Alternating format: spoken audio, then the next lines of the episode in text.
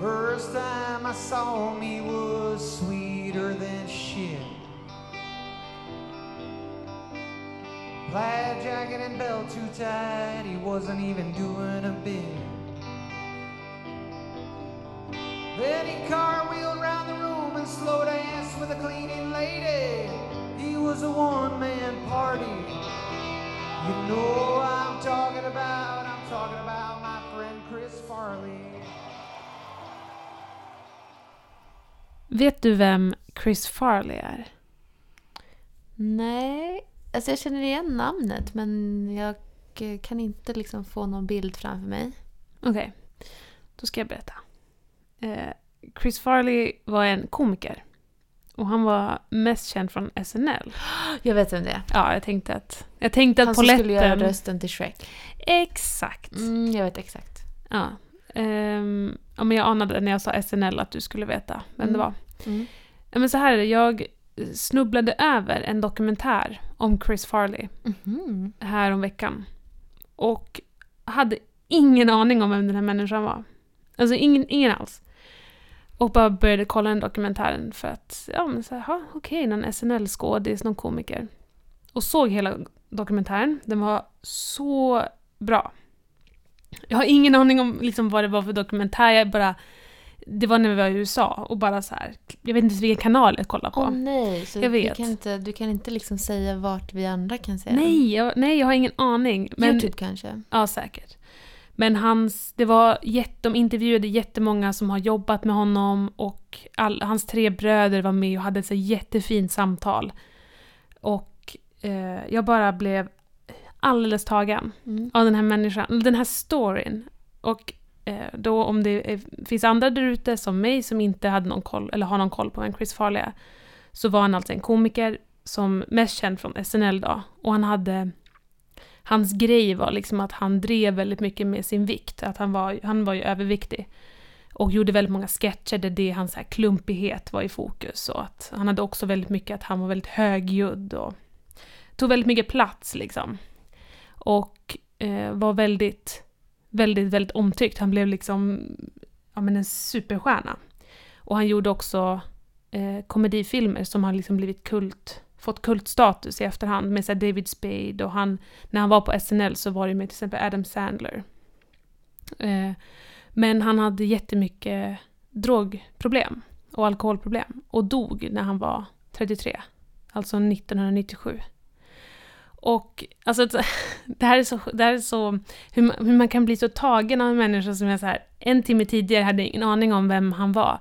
Men jag så här, satt uppe hela kvällen och kollade på klipp på honom och läste allt, all, alla artiklar så här.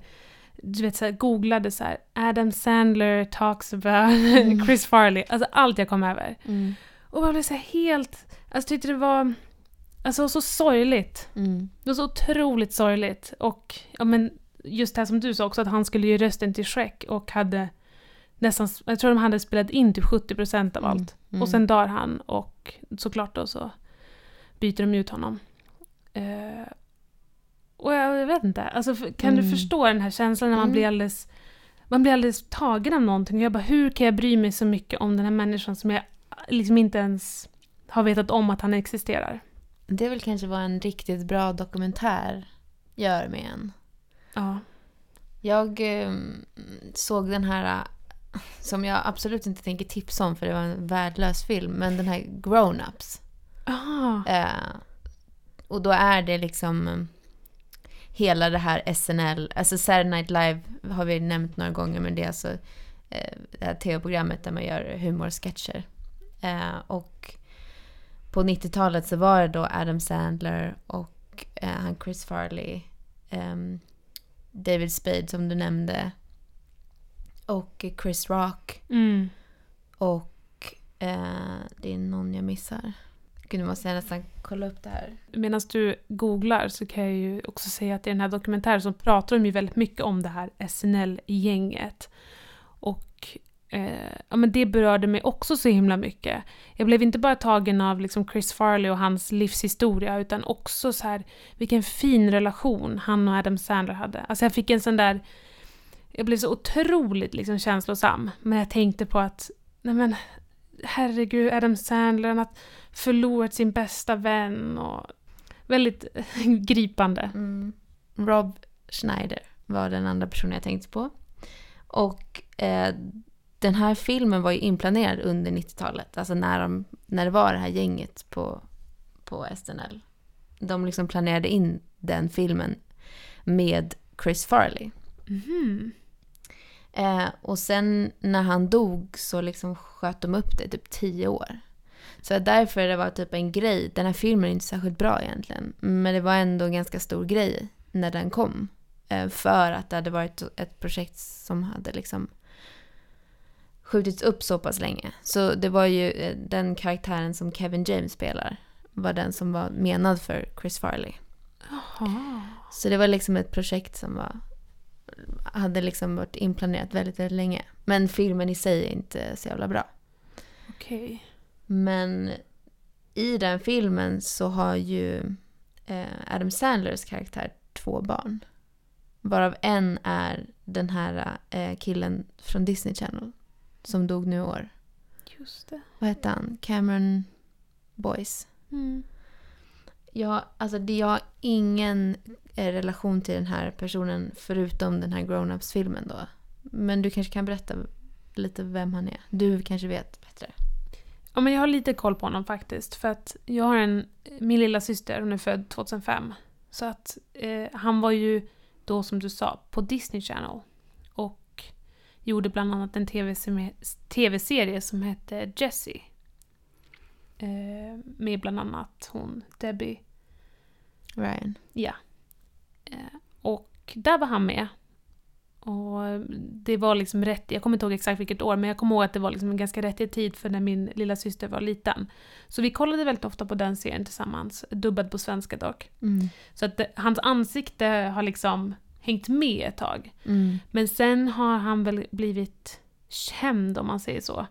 Eller känd och känd, men den här Disney Channel-filmen The Descendants blev ju ändå rätt poppis, liksom inte mainstream poppis, men det var ju ändå så här, jag tror att där kanske folk kan ha sett honom.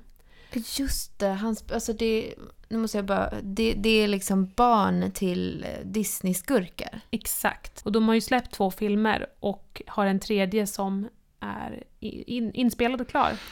Och Mm. den, den släpps ju nu strax efter att han har Just dött. det. Men han hann spela in alla sina scener. Ja, han har spelat in allt. Det var till och med, när jag var på Disney World så var det affischer för den här filmen. Uff. Det var väldigt sorgligt för att den här människan då var ju bara 20 år. Mm. Och dog av... Eh, lite, jag vet inte om det riktigt är klarlagt exakt, men som jag har förstått det så har han haft någon Han var ju sjuk. sjukdom. Mm. Mm. Så att eh, jättesorgligt. Jag, började, du vet, jag pratade med min lilla syster då som har växt upp med den här människan. Och hon är ju bara... Ja, hon fyller 14 i år. Så för henne att liksom en kändis dör, det har ju inte hänt. Mm. Så det var, för henne var det så himla tragiskt. Hon berättade hur hon satt och kollade på klipp på den här, Mm. den här pojken. When he walked into the room, the light changed and the energy shifted. Vi är ju fortfarande liksom så pass unga, eller man ska säga, att det är inte så många kändisar som har dött, som man har växt upp med eller som man har ett jättenära band till. Men det finns ju ändå några som har liksom gripit tag om en. Eh, jag vet inte, har du någon sån där som du som verkligen någon kändisdöd som hängde med dig? Mm.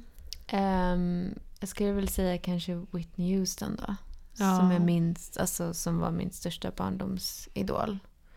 Kanske som nummer ett som var liksom som jag ändå fick uppleva. Eh, och sen Alan Rickman skulle jag nog säga. Som Just spelar Snape i Harry Potter-filmerna. För det är liksom också... Det har vi nämnt hundra gånger men jag älskar Harry Potter. Så det är väl... De ligger högt upp på, på, på min lista av eh, kändisar som har dött när jag har liksom fattat vad som händer. Och som också har påverkat mig för jag har haft liksom en relation till de personerna. Mm. Eh, på mitt, alltså inte en relation, jag har inte känt dem. eh, du förstår vad jag menar. Jag fattar. Du då? Ehm, ja, men jag tror att de som har gripit tag om mig mest, det är de som har varit ja, men lite samma karaktär som Chris Farley. Just när det har varit liksom någon form av överdos. Eh, och jag tänker liksom framförallt på Amy Winehouse. Mm. Som är, hon dog ju när hon var 27 av en överdos. Eller jag tror hon blev alkoholförgiftad till och med. Men ja, Mm. hon missbrukade ju och hade det ju väldigt tufft. Och liksom Amy Winehouse var ju, jag ska inte säga att jag var liksom världens största fan av Amy Winehouse när hon levde. Men hon var ändå liksom en människa som, hon, hon fanns liksom i min, i min, i min värld, eller vad man ska säga. Mm. Jag lyssnade på hennes låtar, kollade på hennes musikvideos och... Ja, men hon, hon var där. Och sen när hon dog, det var bara sån där... Det var så otroligt tragiskt. Att jag tror att jag minns det bara för att det hängde med mig för att så här... Gud vad... Gud vad hemskt. Mm. Och samma lite med Heath Ledger. Mm. Det blev också en sån där bara... Du vet när någon, det känns som att någon bara rycks bort. Mm. Eh, och Heath Ledger kanske hade lite liksom närmare band till för att jag tyckte väldigt mycket om hans filmer. Jag tyckte att han... Men jag, jag vet inte, jag hade sett väldigt många filmer med honom och tyckte att han var så himla duktig. Mm. Eh, och det, det blir ju något, liksom just det här så otroligt tragiska. Och Hollywood är också ganska bra på att mata den. Alltså jag kommer ihåg när det var Oscarsgalan efter att Ledger hade dött. När han var nominerad postumt för ehm, sin roll som Jokern i eh, The Dark Knight. Mm. The Dark Knight? The Dark Knight Rises? Rises? Är det trean? Är inte Batman Begins The Dark Knight Just och det. The Dark... Eller vänta nu. Men då är det The Dark Knight. Inte Rises. Nej, för det är tvåan han är med i. Men finns det en som heter The Dark Knight Rises? Ja, men det måste ju vara trean. Och då är inte han med? Nej, men nej. Okej. Jokern är bara med i tvåan. Ja. Ja, ja, skitsamma. han var med i den Ja. och var då nominerad och vann. Mm. Och det blir ju också sådär eh, otroligt, otroligt gripande, såklart. Och alla står upp och gråter. Och, det blir väldigt mata, liksom maxat. Mm. Eh, Amy Winehouse kände jag att eh, såklart att folk var liksom otroligt ledsna och så, men det var mer som att hon blev typ en symbol för något annat. Att så här, och, liksom det här år 27, the 27 club, som man brukar prata om. Mm. Att just typ rockstjärnor då framför allt, men, men också bara kända personligheter som dör när de är 27 år. Mm. Det känns som att hon inte riktigt uppskattades då i alla fall, för typ hennes faktiskt vad hon hade bidragit med. Hennes musik. Nej. Heath Ledger var det ju, folk pratade om vilken talang och han hade så mycket kvar att ge. Amy Winehouse var mer så här. "Åh, Titta, åh, droger, vad hemskt det är." Exakt, exakt. Eh, och jag vet inte, Whitney Houston blev ju också väldigt präglad av drogerna. Mm. Ja, titta och ja, hon var ju i eh, det här förhållandet. Och, alltså blev väldigt mycket fokus på det. Mm. Mm. Eh, men det finns en dokumentär om Amy Winehouse som också var Oscars-nominerad, som bara heter Amy. Mm. Som jag verkligen kan rekommendera om man inte har sett den. För den är jättefin och där får man faktiskt se henne. Ja, man får såklart följa henne genom- missbruket. Men också liksom hennes kärlek till musiken och jazzen och liksom hon, att hon faktiskt brann för, att, eh, för musiken. Mm.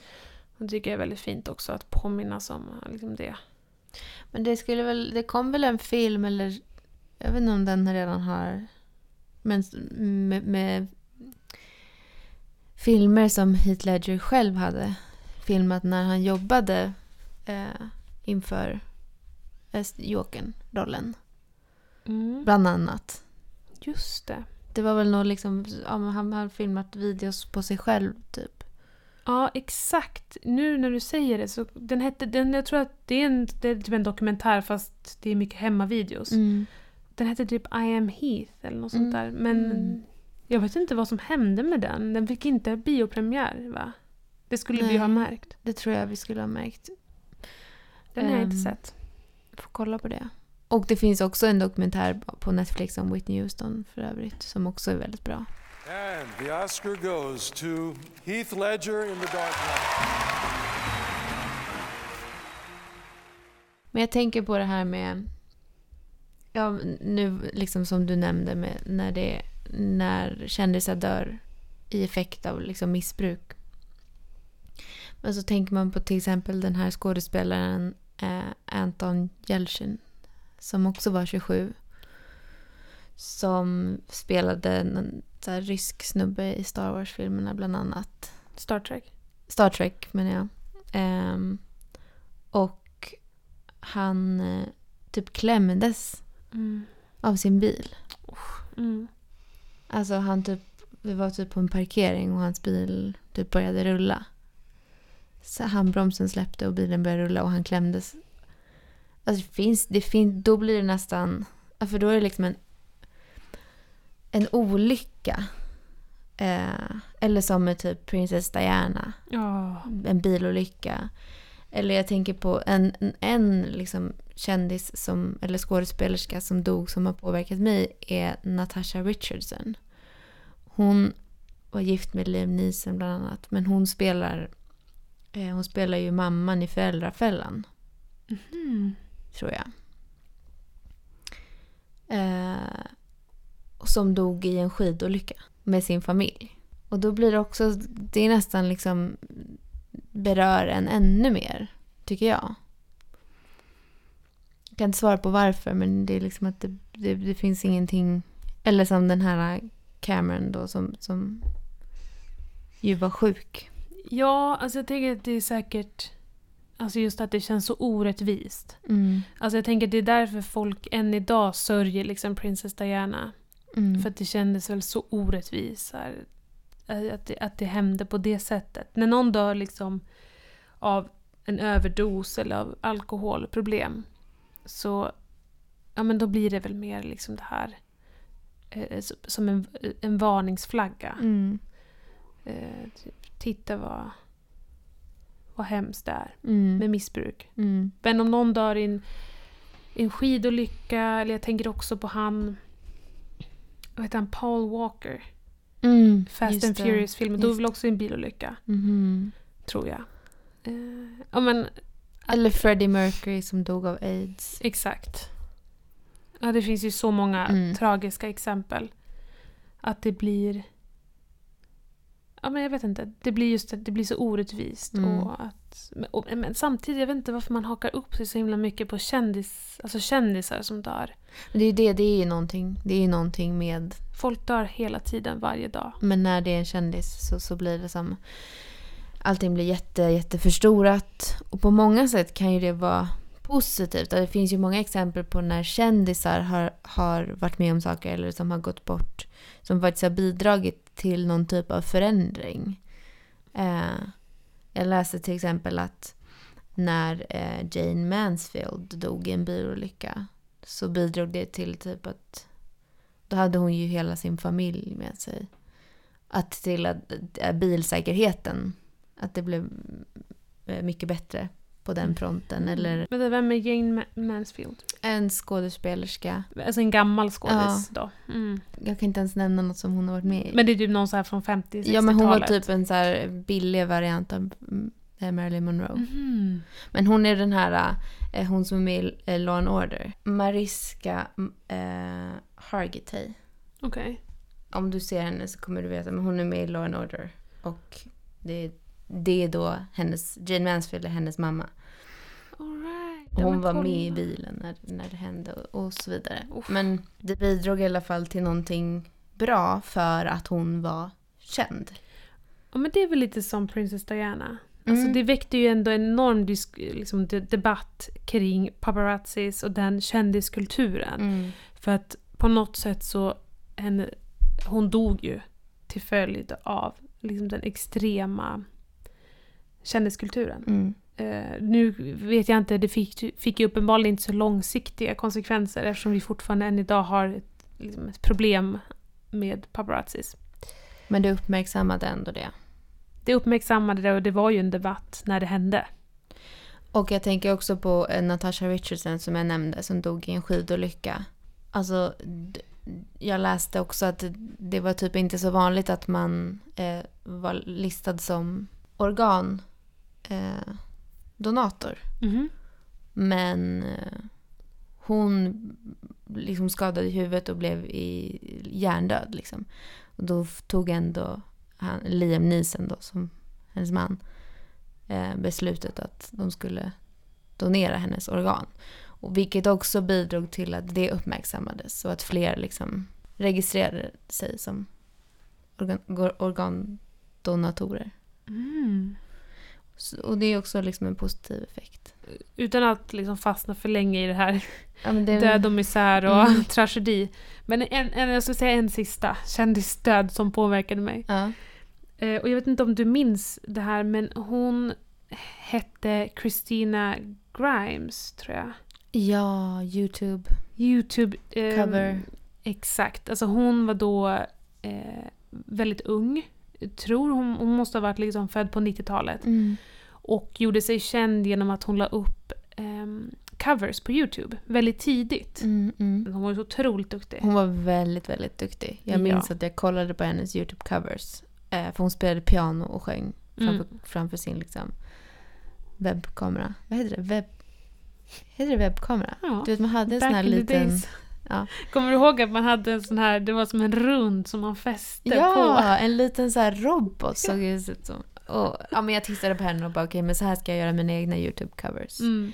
Och då var jag typ 13-14. Ja, och men- hon också, jag tror hon typ 92, född 92 eller något. Ja men precis, så att för, för oss som är födda 94 så var ju hon liksom det först, bland det första vi såg på Youtube var ju Mm. hennes videos. Och hon tror jag var med i The Voice eller Talang eller liksom Mhm. något, något sånt. För att hon ehm, blev ju liksom kändare. Alltså hon, känd, Hon tog mm. sig ut från liksom Youtube. Mm. Och hade väl precis liksom börjat turnera och Mm. så. Och ehm, blev då skjuten på en av sina konserter.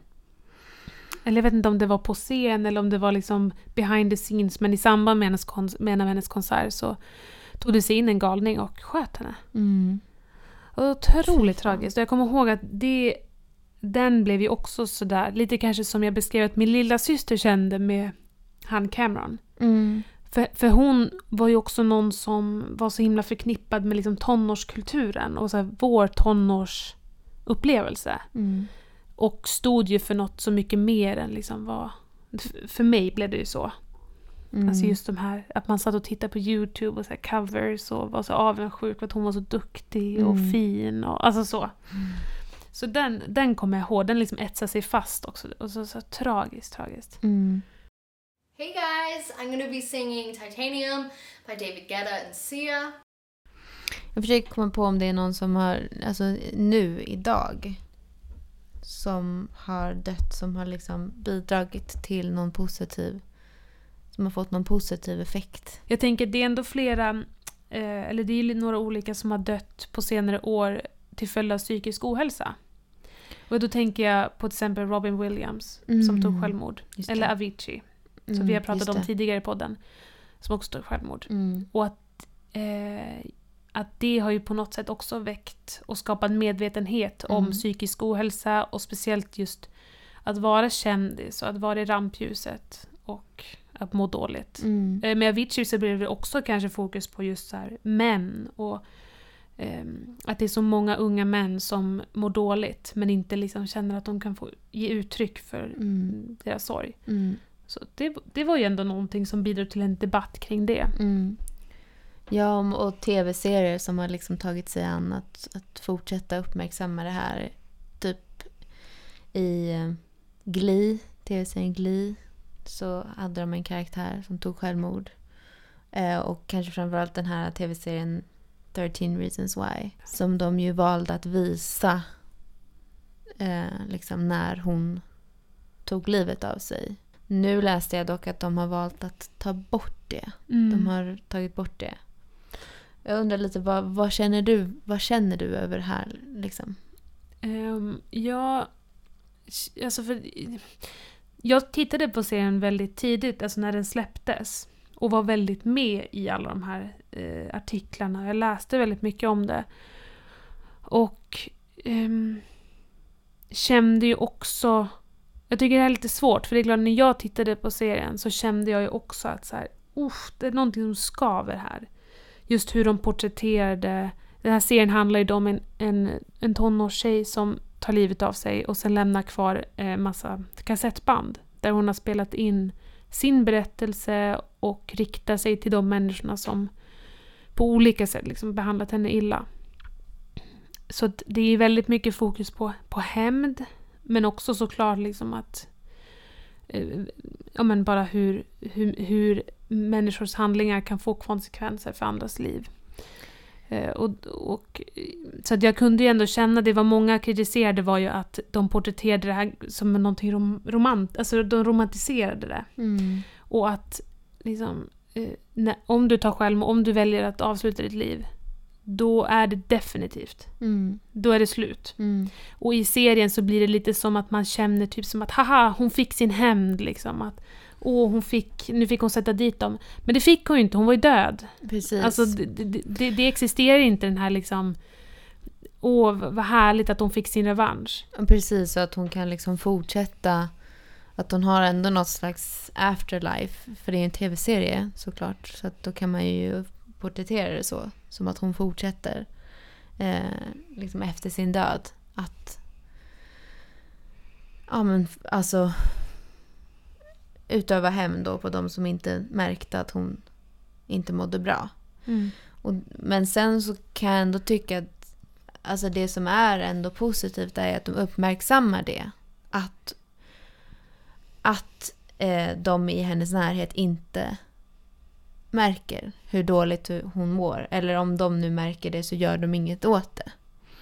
Och det är de ju väldigt noga med att liksom uppmärksamma i tv-serien liksom innan varje avsnitt och efter varje avsnitt. att eh, Om du märker att någon i din närhet mår dåligt så eh, sök hjälp för den personen eh, som kanske inte kan göra det själv. Um, och jag, när jag såg den så tyckte jag liksom, tänkte jag mest på att det var positivt, att de uppmärksammade det. Och att, liksom, att vi fick se det var så här, ja men det är faktiskt så verkligheten ser ut. Och jag tyckte det var positivt. Men det är också väldigt tudelat ju, för att det är bra att det uppmärksammas och att man inte liksom försöker sugarcoda något utan att det är så här det faktiskt är. Men man vill ju inte heller att det ska inspirera en ung person som mår dåligt eh, att ta självmord. Och det är väl kanske därför de har valt att ta bort den. Mm. Men jag tycker det är väldigt svårt. Jag, det, jag tycker... Jag kan inte riktigt ta ställning i om jag tycker att det var rätt eller fel beslut att, att ta bort den. Nej, jag, nej, jag eh, håller med. Jag tycker att den är svår. Jag tycker att det finns både liksom saker som talar för och emot. Mm. Ehm, jag känner väl att de kanske inte hade, de kanske inte var riktigt förberedda Mm. på den respons de skulle få. Alltså när de gjorde säsong två, då hade de ju också så här, som, som du nämnde också, inför varje avsnitt så hade de ett litet, litet segment där någon skådis berättade om att det finns hjälp, det finns liksom här självmordslinjerna och, och sådär. Så Mm. att det kändes som att de var betydligt mer liksom förberedda Mm. där. Jag vet inte om de hade gjort allt sin läxa innan de släppte första säsongen. Nej, de har ju lagt till det i efterhand, även på första säsongen. Precis som de nu har redigerat den scenen i efterhand. Men... Eh, ja, det, det är svårt. Men, och sen kan man väl tänka att när de har tagit det här beslutet så kanske de tänkte om det finns någonting som talar emot att vi ska ha den här scenen så kanske det inte är värt, då kanske den ska tas bort. Om det finns minsta lilla grej som talar för att det här har en negativ påverkan på något sätt Mm. så, så ska det tas bort. Så det är väl så man kanske får tänka. Och då kanske det var rätt beslut. Hey, it's Hannah. Hannah Baker. Jag vet inte, nu, det känns som att vi har gjort någon slags döds, något dödssegment här. Ska vi sluta med en så här in memoriam Oj. som de brukar göra på Oscarsgalan? Med folk som har, som har gått bort under 2019. Hur skulle det rent, rent praktiskt, ska du sjunga i bakgrunden? Du gör och så säger jag... sorglig. Eh, men jag, för det är så här, ibland så kan, det, kan man, när de har det här på Oscarsgalan, när de visar alla som har gått bort, bort under året som hade någonting med tv och filmvärlden att göra. Så kan man ibland känna så här, ja, om det är typ en 98-årig skådespelerska som så här, har levt hela sitt liv. Och sen så visar de typ han Anton som var 27 år gammal och då är det så här supersmärtsamt. Mm. Och det finns väl några sådana i år som man kan tänka sig att de kommer Jag tänker typ till exempel på Luke Perry Oj, just det. som har gått bort i år. Från som- Beverly Hills. Precis. Som... ehm, Men han var ju med eh, Riverdale. Mm, precis. Spelade pappa där. Mm. Ehm, och hans död blev ju verkligen så... Han var ju så, verkar vara så otroligt omtyckt. Alltså Ah. så, verkar vara en genuint fin människa. Liksom, Mm. Väldigt snäll och Men också väldigt ung. väldigt ung. Ja men han kommer ju, just det. Det kommer vara, vara många tårar Mm. tror jag. När de visar den på Oscarsgalan. Och Cameron Boyce då, Ja. såklart. Också väldigt sorgligt. Eh, sen tänkte jag på... Jag vet inte om vi orkar ens förklara vem Agnes Varda är. Ja men ikonisk kommer ju garanterat vara med. Hon kommer vara med. Väldigt, ban, hon väldigt, väldigt banbrytande inom, inom film och gjorde väldigt många...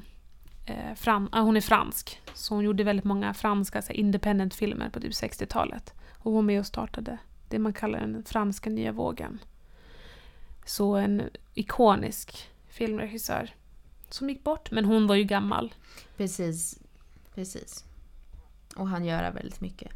Det är en person som heter John Singleton. Och han måste jag erkänna att jag inte vet om vem det är. Men han eh, var tydligen den yngsta personen någonsin som fick en eh, Oscar, Oscars-nominering för bästa regissör 1992.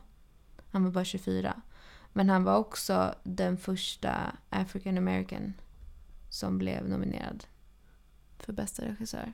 Okej, Och han har gått bort Han i år. har gått bort i år. Ja, det kommer väl också.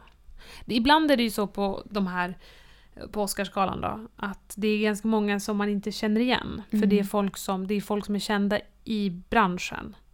Alltså typ klippare, ljudtekniker som såklart berör de som är i den här liksom, sfären. Mm. Men för oss så är det, vi känner igen skådisar och vi känner igen regissörer i princip. Mm, precis. Ja, eh, det var slut på in memoriam, tycker jag. Jag tycker vi går vidare från det här Ska vi prata om något roligare? segmentet.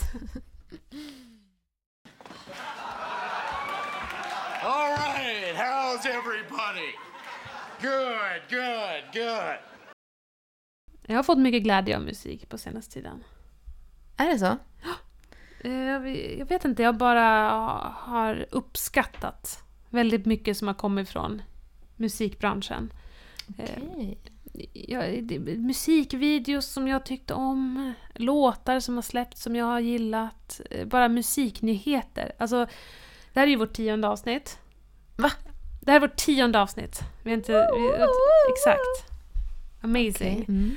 Nu ska jag knyta ihop påsen här. Mhm. För att i vårt första avsnitt så pratade vi om Old Town Road. Just det. Och nu i veckan så passerade Old Town Road med remixen med Bill Ray Cyrus eh, rekordet på hur länge den har varit på Billboard. Va? Den gick om Despacito som det hade det sant? tidigare rekordet. Japp, Alltså of all time? all time. Jag, jag älskar det här. Jag sa det i första avsnittet Ja. när vi pratade om det och det är många veckor sedan. Alltså, jag älskar den här låten. Du, du var ju lite skeptisk. Jag var superskeptisk. Hur känner du idag? Alltså helt ärligt, jag har fortfarande aldrig lyssnat på låten. Alltså jag, he- alltså jag vet ju att den går så här, typ hur den går. Jag tänkte sjunga men jag ångrade mig direkt. Eh, Jag vet typ hur den går. Eh, Men jag har faktiskt aldrig lyssnat på den. Oh my god. Jag har ju alltså, lyssnat på repeat i de här 17 veckorna som den har legat. Va? Men alltså, vad- jag fattar inte ens vad som är bra med den. Den är så banbrytande på så många sätt. Alltså jag, jag älskar den så mycket. Har du sett videon? Nej. det har du ju inte då. Det är en så rolig, snygg video. Jaså? Den här människan då, som eh, står bakom låten, Lil X Nas, Lill X Nas. om man uttalar det så. Mm. Han verkar vara en så rolig person. Alltså jag har sett honom på Twitter. Jaha. Och bara så här, jag har jättemycket självdistans. Alltså han pratar ju om Old Town Road. Och liksom Mm. typ bara, hmm, hur kan jag mjölka det här? På liksom. Ehm, och det var ju väldigt kul, eller kul, men han kom ju ut som gay. Också. Och det blev ju också en sån här, alltså det har varit en sån liksom boost av Ja, bara... jag fattar. Såklart det är ju han, för honom det finns ju alltid människor som kritiserar. Mm. Men men han har haft en så himla fin approach till det och det, det känns som att det har varit mycket kärlek i det här Mm. projektet. Och nu håller han på liksom, om han ska göra en remix med Dolly Parton. Och, alltså, jag bara älskar det. Ja, jag fattar. Så det har gett mig väldigt mycket lycka. Eh, och ja, men jag vet inte, det, jag tycker att det har släppts många roliga musikvideos på senaste tiden. Mm. Ehm, Miley Cyrus till exempel, hon släppte ju sin EP och en, ehm, en musikvideo till en av singlarna då, Mother's Daughter. Som jag, jag diggar, jag tycker att den var snygg och eh, ja men så här, härlig. Mhm. Och hon, hon verkar ha- njuta av livet just nu, hon lägger upp mycket på Instagram och bara så här.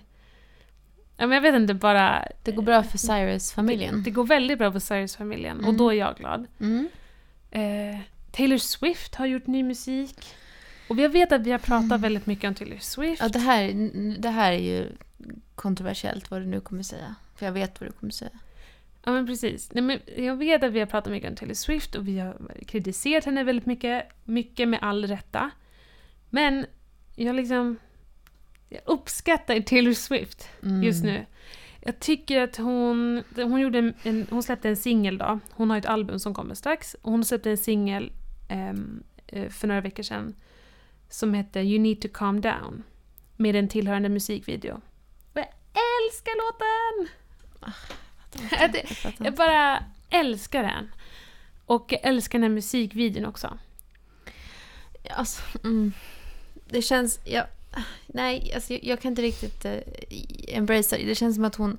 Alltså för Todd Ricard är ju med i, i den här videon. Han har varit med i mm, tidigare videos som, som hon har gjort. Och, och han är ju... Jag tycker ju om honom väldigt mycket. Han är en, en youtuber. Eh, Gay-ikon numera. Eh, han är bland annat eh, nu koreograf på eh, RuPaul's Drag Race. Som är den reality, eller vad säger man? Ja. Ja men den tv-serien som vi har pratat med, om ganska mycket. Där drag queens tävlar. Ehm, och ehm, hon har med eh, också massa drag queens som, som jag känner igen i sin video. Och det känns som att hon tror att hon är någon slags typ gay-ikon. Men alltså är hon ens gay? Alltså jag fattar inte. Alltså hon är så här pride, queer. Alltså så här, eller va? Alltså jag fattar inte. Vem är hon ens? Nej, alltså jag, jag, kan, jag håller med lite för att hon, Taylor Swift har ju varit väldigt eh, omtalad för att hon aldrig gjort politiska uttalanden. Hon har liksom aldrig tagit ställning till någonting. För några år sedan som hon började, liksom, hon började faktiskt ta ställning och började liksom, ja, hon stöttade Demokraterna offentligt och det var det gjorde ju alla andra kändisar också så det var ju inte något så här banbrytande direkt. Och Hela nu- södra USA bara what the fuck? Exakt. Okej, mm. det var ju modigt. Och hon var ju i rättegång för att hon blev utsatt för liksom, sexuella trakasserier och det, liksom, hon tog ställning såklart för det. Och eh, har nu också Mm. liksom, tagit ställning för gay rights. Och då kan man ju tycka så här. Okej, ja men vad härligt att 2019 att du använder din plattform för att stötta Ja. men, men samtidigt, och jag, jag kan också känna det att så, okej nu kanske du rider på vågen lite väl, liksom någon annans Mm. våg. Men det är svårt att hata. Men Alltså, det är jag svårt att det är hata svårt att för jag är hata. så här, vad ska jag, det är inte dåligt att Nej, hon gör det. det är jättebra. Och jag tycker att hon har väldigt liksom, fina budskap i den här låten då som, eh, som jag pratade om. Ehm, liksom Don't step on his gown. Ehm, Och det är väl hela också, hela, eh, vad säger man? Den kulturen, gaykulturen som har satt henne på den här piedestalen också. Hon är ju eh, liksom en ikon i sig. Så som många kvinnliga eh, artister är. Utan att själva liksom vara eh, queer på något sätt. Så är, blir de det. Typ Britney Spears, typ Rihanna, typ Taylor Swift mm. är ju eh, liksom det. Så då är det väl, ja. Jag får väl erkänna att det är härligt att hon embracear det. Ja. Det är kul att få se det i en, det är kul att få se det i en musikvideo som är, hon är ju så pass populär att det, den når ut till så må, många. Ja, precis. Så jag menar, jag är ju liksom verkligen för att hon använder sin plattform för rätt saker. Mm. Hon har ju också varit väldigt aktuell nu för att, jag vet inte om du har hängt med på det här med att hon har bytt skivbolag. Nej. F- hon, Taylor Swift signade på ett skivbolag när hon var typ 15, 16, alltså när hon började. Och har släppt de, sina första sex album på det här skivbolaget. Men har haft väldigt mycket svårigheter med han som äger skivbolaget. Och de har liksom, det var väldigt svårt för hon har ju velat ha mer liksom kreativ eh, ett kreativt inflytande och mer inflytande över sin egen musik. Så hon valde ju att bryta upp och sedan gå vidare. För hon vill liksom äga sin egen musik fr- från och med nu. Vilket hon får med sitt nya skivbolag. Problemet är att de äger fortfarande de här sex albumen. Och nu finns det en man som heter Scooter Brown. Justin Biebers manager. Jag tror att det är han som är Scooter Brown. Ehm, Det är det. Exakt. Mm. Eh, och Demi Lovatos manager. Mm. Liksom, väldigt många stora. Han har då köpt upp det här skivbolaget och därmed alla Taylor Swifts album. Så han och skivbolaget kommer fortsätta tjäna pengar på Taylor Swifts musik. All liksom royalty, allting. Mm. Men hon... Hon får inte det. Alltså hon får ju, hon får ju för att hon har skrivit låtarna. Ja, men de tjänar fortfarande pengar på henne. Det är Och vidrigt. Det, och det, det tycker jag faktiskt är jättevidrigt. Och det är ju såklart, det har blivit en jättestor grej. Folk tar sidor. Vem stöttar man? Eh, jag, Vem stöttar inte henne? Alltså i det här? jättem- Jättemånga som bara, men han är en jätteschysst kille och han skulle aldrig fan. göra det här för att vara elak. Det här är bara affärsmässigt, liksom strategiskt. Det har ingenting att göra med att han vill äga Taylor Swift. Okej, men det är hennes låtar. Det är hennes låtar och då är det många som bara säger men låt henne köpa tillbaka det då. Mm. Låt henne köpa tillbaka hennes musik om det Mm. nu inte spelar någon roll. Om det bara är affärsmässigt. Men det har inte hänt än. Och och en liten eh, sidnot, du nämnde Todrick Hall. Mm. Det var en grej som jag läste i all den här liksom, som bara, alltså jag blev så förbannad. För att Todrick Hall gick då ut, han och Taylor Swift är ju väldigt nära vänner. Och han gick då ut och liksom stöttade eh, Taylor Swift såklart. Men nämnde också att den här Scooter Brown då, som är den här managern, eh, hade liksom varit eh, hom- get- homofobiska Mm. uttalanden och liksom mot honom. Mm. Ehm, och då hoppade Demi Lovato in i diskussionen. Mhm. Och Demi Lovato är en, liksom, en sångerska, eh, känd från Disney Channel. Liksom, har, har känt Taylor Swift länge, men de är inte kompisar längre. Men, eh, och hon hoppar då in och hon är ju då, har ju honom som manager, den Mm. här Scooter. Och hon bara, ehm, alltså det är inte sant det du säger, för jag som bisexuell kvinna, jag vet att han inte skulle bete sig så. Helvete. Han har aldrig sagt någonting liksom, homofobiskt mot mig. Så det är omöjligt att han är, han är homofob. Och jag bara, Men vad i... Alltså, fan. Nej. Jag vill slå näven i bordet. ja, Gud vad irriterande. japp. Alltså det har väl... Det, det, det, nej. Men alltså det är, det är så otroligt, otroligt dumt argument. För det är som att säga till någon som har blivit utsatt för sexuella trakasserier av någon. Det är som att säga liksom, nej men det är helt omöjligt att du har blivit utsatt för det, för han har aldrig utsatt mig för det. Så då kan han inte ha gjort det. Men också liksom att tro att hon kan sätta sig i samma kategori som Todrick Hall. Ja. Nej, det kan du inte. För fem öre. Du är inte ens i närheten av vem han är och vad han står för och vad han har behövt liksom gå igenom. Mm. Ja, så d- Vad irriterad jag blev på henne nu. Ja, men jag blev också det. Jag tyckte te- Demi Lovato är cool och häftig. Men jag kände att ja, det där var verkligen... Eh, kändes inte, inte okej alls. Och det, det talar ju också någonting om hur infekterad Mm. hela den här debatten har blivit. Justin Bieber har ju också gått ut och liksom stöttat sin manager då.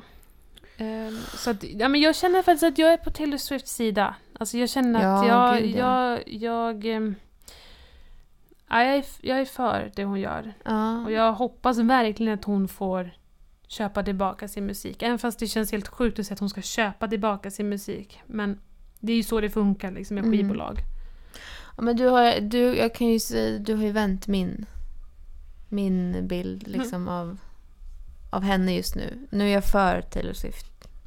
I det här avsnittet i alla fall. Vi får se vad som händer i nästa. Want to see my back tattoo? Har du några musikhändelser som har gjort dig glad eller ledsen eller arg eller väckt känslor? Ja, alltså apropå Taylor Swift kanske då, så är ju eh, Katy Perry också med i den här musikvideon som vi nämnde. Just det. You need to calm down. Och de har ju haft sin lilla fade av något slag. Jag har ingen aning om varför. Vet du det?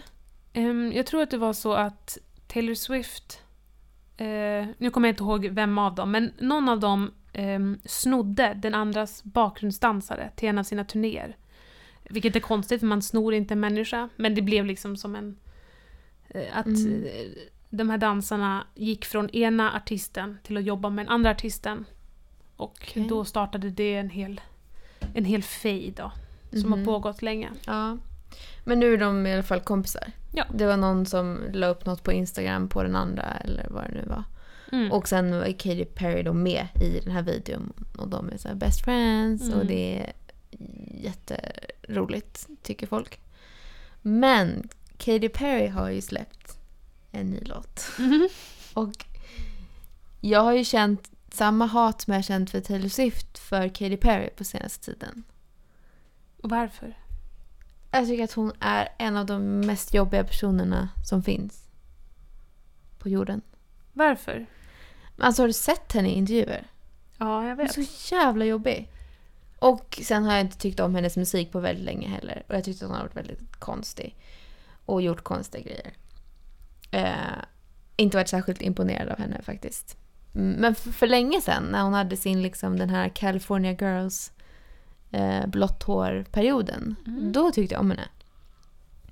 Men sen har det liksom blivit att det har gått ut för Och jag tyckte att hon har varit bara jobbig och stört mig på henne. Och det gör jag fortfarande. Men den här nya låten och musikvideon som heter något. Vad heter den? Eh, never really over. Mm, just det. Så blev jag... Jag såg musikvideon för, liksom först. Och blev väldigt positivt överraskad. Mhm. För även om hon har sina små jobbiga liksom, mannerismer, alltså väldigt eh, som jag stör mig på, så tycker jag att hon verkar som att hon liksom har hittat sig själv. Eller hittat en ny version av sig själv som är väldigt mogen och så här. Eh, ja, men det känns, känns som att hon är bekväm. Att hon kanske har varit liksom lite stressad över olika saker och kanske lite osäker. Eh, och inte riktigt vetat vad hon har varit i sitt artisteri. Och nu känns det som att hon typ har hittat hem. Jag kanske ändrar mig nästa musikvideo hon släpper, men den här liksom hippie musikvideon tyckte jag var väldigt härlig. Jag tyckte den var skitsnygg och eh, älskade liksom allt med den. Och tyckte också om hur hon var i den. Mm. Och sen när jag har sett den så har jag också lyssnat på låten mer och mer och tycker också nu om låten. Och den känns som en så här, men nu är liksom gamla Katy Perry tillbaka. Mm. Så jag blev väldigt positivt överraskad av det faktiskt. Vad kul. Den är så här, så, så här pop. Pop som jag älskar. Verkligen så här pop-poppy. Pop när den är som bäst. Ja, Mm. och jag, jag älskar ju det. Mm. Ja men vad kul. Men jag, jag håller med. Jag tyckte också att, eh, att musikvideon var snygg. Mm. Och att låten var överraskande bra. Mm. Och sen nämnde vi i förra avsnittet att Beyoncé hade släppt en Precis. ny musikvideo till den Spirit-låten från Lejonkungen. Exakt. Det, det är ju väldigt roligt. Och jag har en annan musikvideo som jag tittar väldigt mycket på. Och det är Tove Lo. Ah, Tove Lo. Tove Lo, som vi skulle säga. Ehm, hon har ju släppt, hon har börjat släppa musik nu igen. Hon har en låt, en singel som heter Glad He's Gone. Mm. Och med en tillhörande musikvideo som jag tycker är jättebra. Mm. Jag tycker låten är svinbra och jag tycker att eh, musikvideon är väldigt snygg och jag tycker att hon har en så härlig distans. Och, Mm. Ja, eh, jag är väldigt positiv till det. Mm, mm. Så det, det är liksom mycket som har hänt i musikvägar som bara har gjort mig glad. Mm. Och det är ju härligt när det är så. Ibland kan jag känna att det, det kommer inte så mycket spännande eller som känns liksom originellt och fräscht. Men nu känns det helt plötsligt som att alla bara producerar jättemycket Mm. roligt. Jag menar Ed Sheeran har släppt ett helt album Mm. ehm, med musikvideos och det tycker jag också är roligt. Så att, ah, det är bara kul. Jag tänker på den här eh, Senorita Ja, just det. med Sean Mendes och... ehm, vad heter hon? Camila Cabello. Cabello. Som ju är jättedålig, tycker jag. Alltså, Hon inte, eller han? nej, alltså inte att de är dåliga, men jag tycker inte låten bra. Jag tycker musikvideon är super cringy. When you call me senorita. Är det den? Exakt. Mm. Jag tycker inte att den är bra och jag tyckte att musikvideon var jätteful. Men jag kan tänka mig att många är väldigt exalterade över att de typ har sex i musikvideon. Ja. För de har ju chippat de här två personerna. De har chippats. Eh, chip, vad betyder det? Ja, men man... Förklara. eh, det- Skeppat. Nej, man, ehm, man har... Man eh, vill att de ska vara eh, en tillsammans. Jag hoppats. Nej, jag vet inte vad man skulle... Det är så bra ord. Ja, precis. Men, men alla kanske inte vet vad det betyder. Men Nej, det men det- betyder att man önskar att eh, de två är Vore ett par. ett par. Precis. Eh, men är de det då? Nej, de är ju inte det. Och de vill ju inte säga det och de har inte velat säga det eh, under flera års tid för de har inte varit det. Och nu när de släppte den här videon så tänkte man ja men nu är de ju det. Nu är de faktiskt det. Mm. Men fortfarande så säger de att de inte är det. Ja, oj, mystiken tätnar. Men jag kan tänka mig att folk som har chippat dem blev väldigt glada över att de släppte den musikvideon. Säkert. Mm. Jag såg att, eller det, det finns ju en låt med, mm, som Chris Brown och Drake har släppt. Okej. Ehm, vad heter den? Jag vet, jag har ingen Du aning. har hört den, jag lovar. Jaha. Eh, Jag känner inte till att Drake har släppt ny musik. men de, de har släppt en musikvideo nu. Okej. Jag kollade på fem sekunder och höll på att spy. Oj då. Och sen så var jag tvungen att pausa så jag tänkte vi skulle kolla på den tillsammans. Oh, Och hålla varandra i handen genom det. Och sen kan Spy vi prata om tillsammans. det. Mm. okej. So what's it gonna be? A dance battle! Du hörde innan att att jag sa att jag var lycklig och glad och att det var så mycket... jag fick så mycket positivt från musikvärlden. Och sen så slänger jag det här i ansiktet på dig. Jag killed it. Mm. Eh, Det var skräp. Det Mm. var riktigt skräp. Ja, det var tio minuter som bara bortkastad. Låten heter ju No Guidance. Mm, Kan du, förklara, alltså kan du förklara för mig vad det är som händer i den här videon? Alltså, det, det, det, är då Chris Brown. Um, och han har sitt crew med typ 100 eh, lättklädda brudar. Och sen är det Drake med sitt crew och typ 100 lättklädda brudar. Och av någon anledning som inte förklaras i musikvideon så ryker de ihop och ska ha någon slags dance battle. Jag vet inte varför. Och Chris Brown är ju obviously väldigt duktig för Chris Brown kan dansa. Och Drake kan tydligen inte dansa. Och det är tydligen jätteroligt. Och sen när de blir de vänner. Det som, jag, ja, det som jag tycker känns, som ger mig obehag av den här videon är att Alltså bara i introt, innan ens låten har börjat, för det är väldigt mycket liksom eh, partier i den här videon då som bara är utan musik och snack.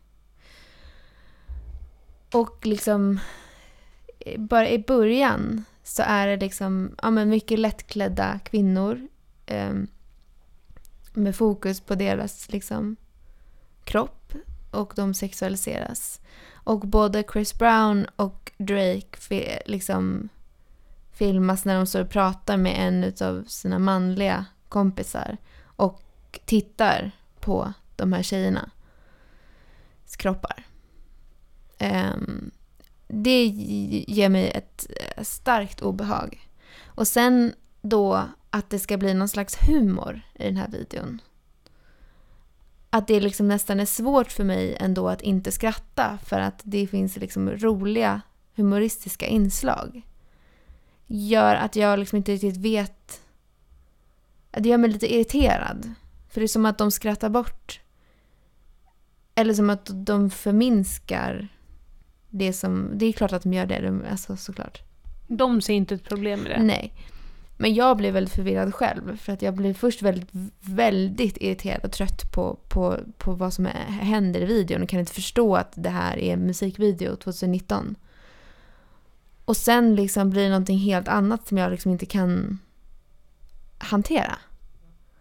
Och dessutom så, liksom, så är det då Chris Brown som vi har pratat om. Som ju är en eh, dömd kvinnomisshandlare. Japp. Som tittar på de här kvinnorna på det här sättet. Mm. Och som ska framställas som att han är liksom supercharmig. Japp. Och eh, 100% fokus på hans dans, dansande. Och jag- vi säger ingenting om att han inte är svinduktig på att sjunga och dansa. Men, och det är väl det som också som Justin Bieber då skri- gjorde i det här inlägget som vi pratade om. När han då skulle försvara Chris Brown. Eh, alltså att han bara hade gjort ett misstag och att man måste släppa det nu och uppskatta honom för den talangfulla människa han är. Och jämförde honom med Michael Jackson. Och också i videon så gjorde ju, vi märkte båda två att Chris Brown gjorde liksom ett väldigt ikoniskt Michael Jackson danssteg. Vilket också gjorde mig väldigt, väldigt obekväm. Och det här måste man ju ha tänkt på med tanke på liksom, diskussionerna som har gått kring Michael Jackson på senaste tiden. Och jag kan inte riktigt, eh, kan inte riktigt förstå det. Vad är det man försöker säga liksom med, med att visa de här två männen i den här miljön bete sig på det här äckliga sättet? Som att, och sen liksom som att det ska vara roligt. Försöker man då säga så här, men det är så här världen ser ut och det är så här män ska bete sig mot kvinnor och det är helt okej? Är det deras budskap? Jag förstår inte. Nej, jag tror faktiskt bara inte att de tycker att det är en grej. Jag tror att de är så här... Eh, de tycker kanske att det är roligt att folk blir så upprörda Mm. över allt det här. Och då kanske de tycker att det är kul och så här, vi spär på det lite extra. Mm. Vi, kör, vi lägger in ett Michael Jackson dance move också. Så kan vi ju se hur mycket det sticker i ögonen på dem. Eller jag vet inte. Alltså jag, Ja. jag, har inte, jag har också svårt att motivera varför man fortsätter att porträttera kvinnor på ett visst sätt i de här musikvideorna. Alltså jag... eh, Jag tycker att, jag tycker att det är så, o, det är så icke-originellt och tråkigt och sunkigt. Och jag bara så här, jag, jag vill liksom inte slösa min tid Mm. med det.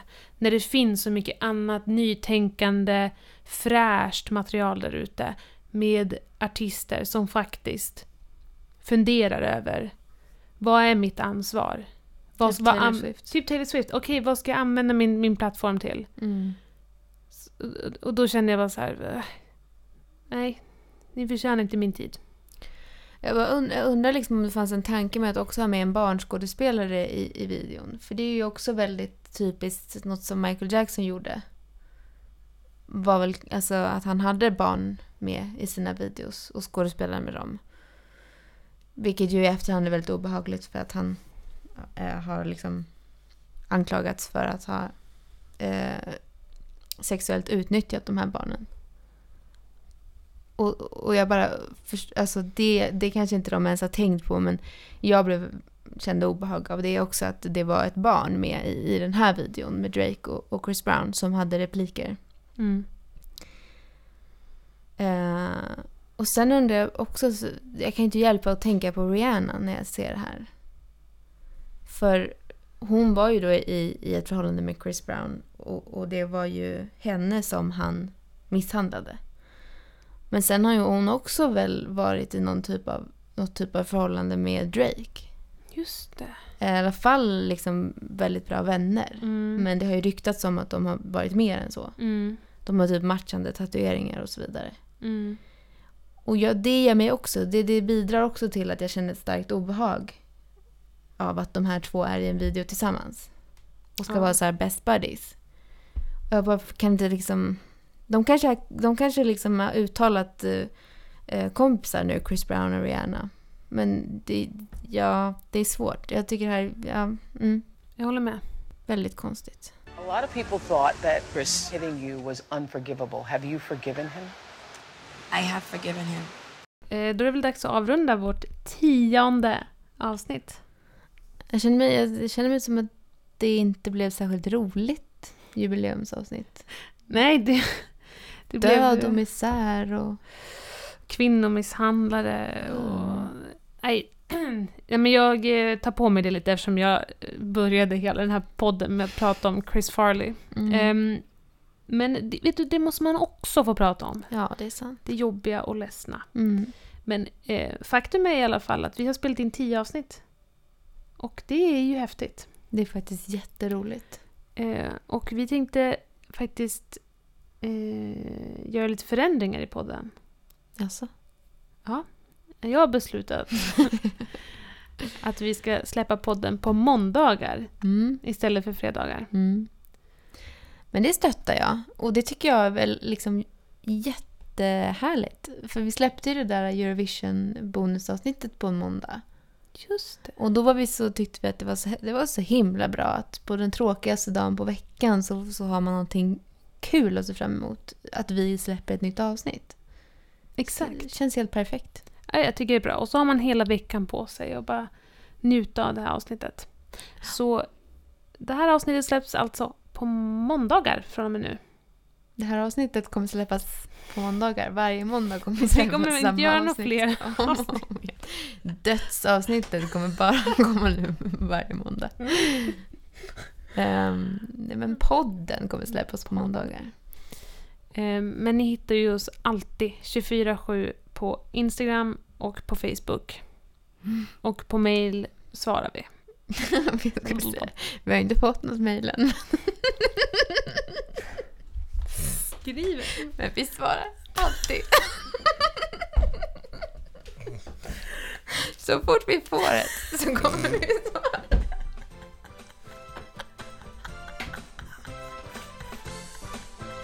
Ha ha ha!